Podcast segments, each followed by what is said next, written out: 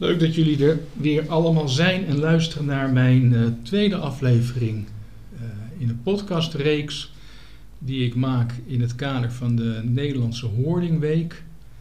Uh, mijn eerste podcast die ik gemaakt heb ging over twee zussen die gevonden werden in New York 1950 en die werden vergeleken, die waren het spiegelbeeld van de Coyle Brothers. Nou, in deze aflevering van de podcast ga ik het hebben over de Collier Brothers. De Collier Brothers staan eigenlijk synoniem voor hoording, want nog voordat er een officiële diagnose voor deze stoornis kwam, werd er tegen iemand gezegd die een uh, volle woning had, dat hij lijdt aan het Collier Brothers syndroom. Nou, in een later stadium ging men ervan uit dat hoording onderdeel van een obsessief-compulsieve stoornis was.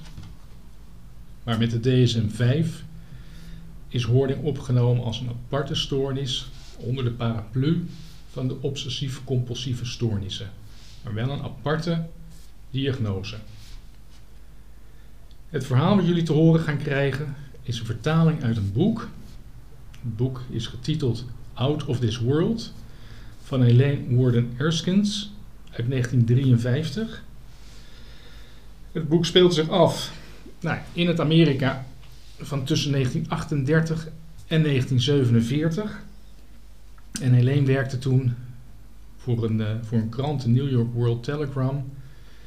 En heeft de Collier Brothers over de jaren 38-1947 op de voet gevolgd. Uh, daar heeft, voor, heeft ze verschillende artikelen geschreven die gepubliceerd werden in die krant. En aan de hand van al die artikelen heeft ze een boek geschreven. Laten we beginnen met het verhaal.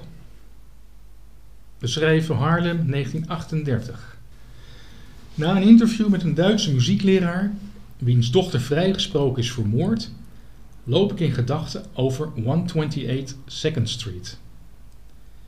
De gedachten van het oude Haarlem, toen de miljonairs uit New York in Haarlem woonden, gingen door mijn hoofd. Toen ik uit het niets op de hoek van 128 en Fifth Avenue een groot huis zag staan.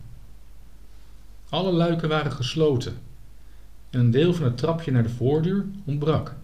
Er zat een gat in het hout waar ooit een deurbel gezeten moet hebben en het zag er onbewoonbaar uit. Maar er hing geen enkel bordje op de deur waarop stond te huur of te koop. Iets verderop in de straat zat een oude vrouw. Ze zat van de zon te genieten op een bankje. Ik loop naar haar toe en vraag of zij misschien iets weet. Ze vertelt dat Langley Collier in het huis woont. Er wordt gezegd dat zijn pa, ma en broer dood in het huis liggen. Niemand heeft ze ooit nog in jaren gezien. Langley is een zeer welgestelde, tevens eigenaar van mijn huis. Mensen in de buurt noemen hem de Ghosty Man, omdat hij alleen naar buiten komt als het donker is. Weet je wat je moet doen? Je moet even naar dokter Yonder. Hij zit iets verder op Fifth Avenue. De dokter is hier opgegroeid en weet vast meer te vertellen. Zo gezegd, zo gedaan. Ik ga naar meneer Jander toe en bij binnenkomst lopen we samen naar de studeerkamer. Twee kluizenaren, Langley en Homer Collier. Ze wonen op de hoek. Er zijn mensen die denken dat Homer dood is, maar ik geloof dat niet. 25 jaar geleden was ik in het huis. In de kelder staat een T-Ford met een kano op het dak. De moeder van de jongens was een Livingston. En in de bibliotheek, er staan zo'n 25.000 boeken. Tevens staan er 17 piano's. Maar dat laatste heb ik van Langley gehoord. Dokter, denkt u dat ik in het huis kan kijken?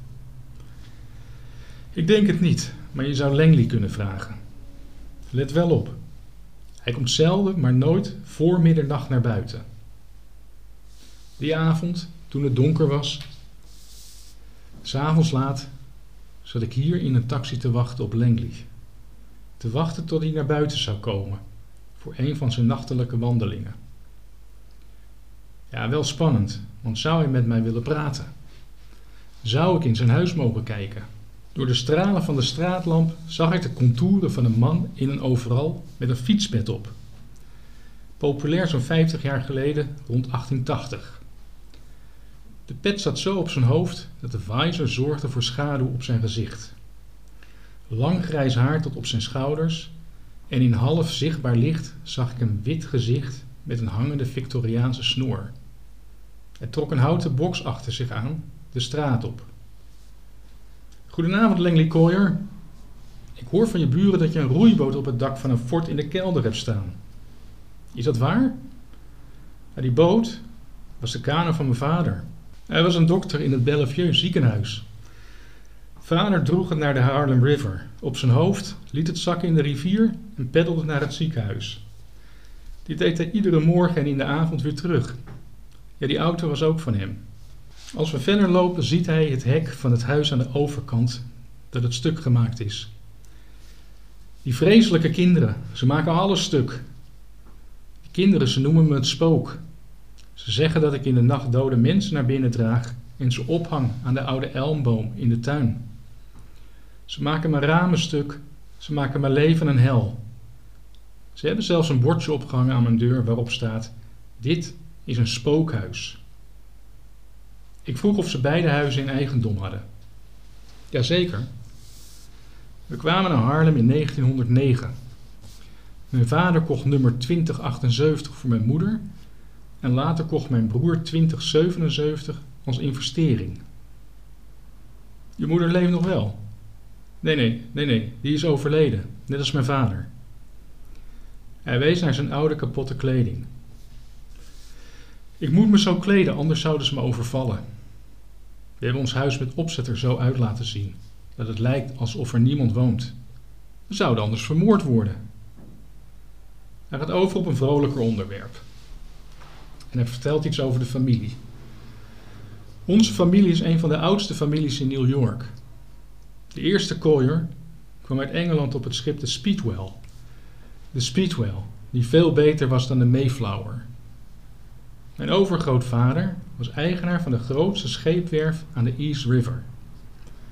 Mijn vader en moeder waren een volle nicht en neef van de Livingstons. Langley vroeg zich een moment af wat ik hier deed op dit tijdstip. Ik vroeg hem naar de 25.000 boeken en de piano's in het grote huis. Mijn vader en moeder waren beide enthousiaste lezers. Mijn moeder las in het Grieks aan ons.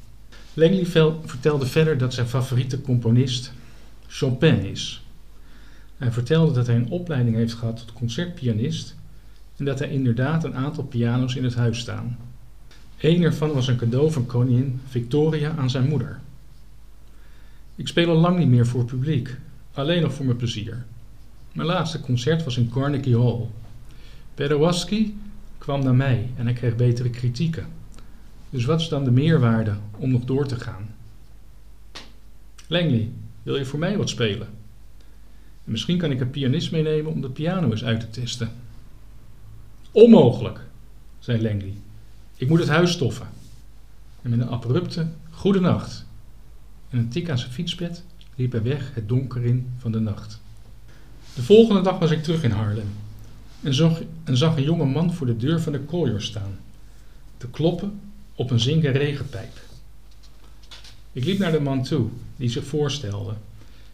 En hij vertelde dat hij al zes weken bezig was contact te krijgen met Langley, omdat hij een bod wil doen op een stuk land. aan 125.000 dollar, wat op naam stond van de Colliers en gelegen was op Long Island. Ook de advocaat van de familie probeerde in contact te komen met Langley. Langley werd genoemd in het testament van zijn oom, samen met 30 andere familieleden. Maar Langley was niet te bereiken. Het was 1939 toen ik Langley weer zag. De Russische drogist-eigenaar op de hoek belde me om te zeggen dat ik snel, maar dan ook heel snel, naar 2078 Fifth Avenue moest komen, omdat er mannen van het Elektra-bedrijf al meer dan een uur bezig waren om binnen te komen. Toen ik aankwam was de politie ook bezig om binnen te komen. Ze wilden de elektrameter uit de woning halen. Eindelijk, na uren ging de deur een stukje open en probeerden de servicemannen en de politie de deur verder open te maken, zodat ze er door konden. Tussen de mannen en de ruimte waar de meter stond, stond een solide muur van rommel. oude kranten, houten kratten, zakken met stenen, kartonnen dozen, tonnen gevuld met rommel, zelfs oude boomstammen en ijzeren pijpen. De mannen werden verward en stonden te overleggen wat ze moesten doen, toen er een schelle stem van boven klonk. Langley, lang haar weggestopt onder zijn bekende fietspet, hing uit het raam. Jullie hebben het recht niet om in mijn huis te breken, schreeuwde hij. Ze komen voor die meters, riep de politie terug. En een half uur later liet Langley de servicemannen binnen om de meters mee te nemen. Langley riep naar mij dat het mijn schuld was dat die mannen hier stonden. Als jij nooit een artikel had geschreven, stonden ze hier niet. Nog steeds gemotiveerd door de wens om het huis van binnen te zien en nog meer te weten te komen over de Collier family, zocht ik verder. Dr. Herman L. Collier was overleden in 1923. Hij en zijn vrouw hadden apart gewoond. Mevrouw Collier woonde met de jongens in het huis 2078 Fifth Avenue en ze heette Susie Cage Frost Collier. Mevrouw Collier was overleden in 1929 en begraven naast haar man. Het bizarre is dat een begrafenisondernemer Homer heeft geholpen om haar lichaam midden in de nacht van het huis naar de begraafplaats te brengen en daar te begraven zonder ceremoniële begrafenis. Maar hoe zit het eigenlijk met Homer? Hij is niet terug te vinden in de records van de begraafplaats, dus dan moet hij nog in leven zijn. Het duurde even voor ik meer over Homer te weten kwam. Bij toeval liep ik een oude werkgever van Homer tegen het lijf. Sal Fromkes, president van een verzekeringsmaatschappij. In 1928 stelde Homer zichzelf voor aan Saul. Homer was een advocaat gespecialiseerd in eigendomsrecht. Hij sprak veel met meneer Fromsk over van alles en nog wat, maar zijn privé, zijn privé bleef zijn privé. Pas na twee jaar kwam meneer Fromsk erachter dat Homer elke dag lopend naar het werk kwam. Dat was ruim 8 kilometer lopen. En het viel Mr. Frans op dat er een gat in zijn schoenzool zat. En toen hij een opgerolde krant oppakte, viel er een sandwich uit.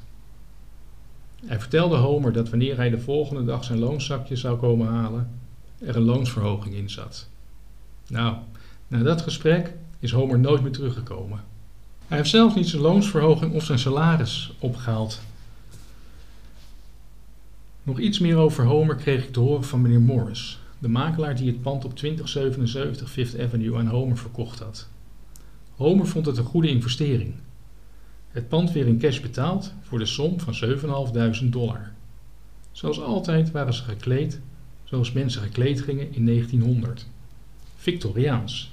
Mr. Morris is nog op bezoek geweest bij de broers. Het was Langley die opendeed en hem voorging. Het huis had van binnen een donkere mufheid van een graftombe. Langley pauzeerde om een olielamp aan te doen. Hij hield de lamp in zijn rechterhand en begeleidde Mr. Morris door de rommel naar Homer toe. Ondertussen vertelde Langley dat hij en Homer hun leven simpeler waren gaan leven, door geen gebruik meer te maken van gas of elektra. Ja, we hebben ook geen telefoon en we openen post niet meer. Je kunt je wel voorstellen hoe vrij we ons voelen. Koken werd gedaan op een oliegestoofd kookstel en ze leefden vooral op pindakaas. Mr. Morris ging door met zijn verhaal door in detail te vertellen wat hij nog meer zag. Er stonden grote stapels kranten, kartonnen dozen en hout die de gang vulde. Op de vloer in een van de kamers lag een auto in onderdelen uit elkaar. In een andere kamer stonden twee vleugels. Mr. Morris en de broers spraken nog ruim een uur over de verdiensten van Chopin en Mozart. Tot de verbazing van Mr. Morris kwamen de broers bij hem op bezoek. Daar praten ze over kunst, literatuur en muziek. Voor ze weggingen stelde Langley voor om nog iets van Chopin te spelen. Langley klaagde wel dat de piano vals was en er nodig gestemd moest worden. En zonder iets te zeggen ging hij aan de slag met stemmen van de piano. Langley weet hoe hij een piano moet stemmen, zei Mr. Morris. Iets later hoorde Mr. Morris dat iemand had geprobeerd in te breken in het huis van de broers. En dat was de laatste keer dat ze samen het huis hadden verlaten. Vanaf die tijd moest er altijd iemand thuis blijven. De laatste keer dat Mr. Morris Homer zag was in 1934. Hij ging langs bij de broers, omdat hij zich zorgen maakte. Homer deed open en ze liepen een rondje. Hij vertelde dat hij blind aan het worden was en dat het daarom geen zin had erop uit te gaan of naar kantoor te komen, want wat heeft het voor een zin als je toch niet kan lezen? Iedereen die ik sprak genoot ervan om te vertellen over het bijzondere leven van de broers, inclusief de politie. Homer is niet dood, zei een van de agenten. Ik heb de zaak zelf onderzocht. Ik ben naar de broers geweest en heb Homer binnen zien zitten. Jullie hebben geluisterd naar deel 1 van het verhaal van de Collier Brothers. Morgen deel 2. Bedankt voor het luisteren en tot morgen.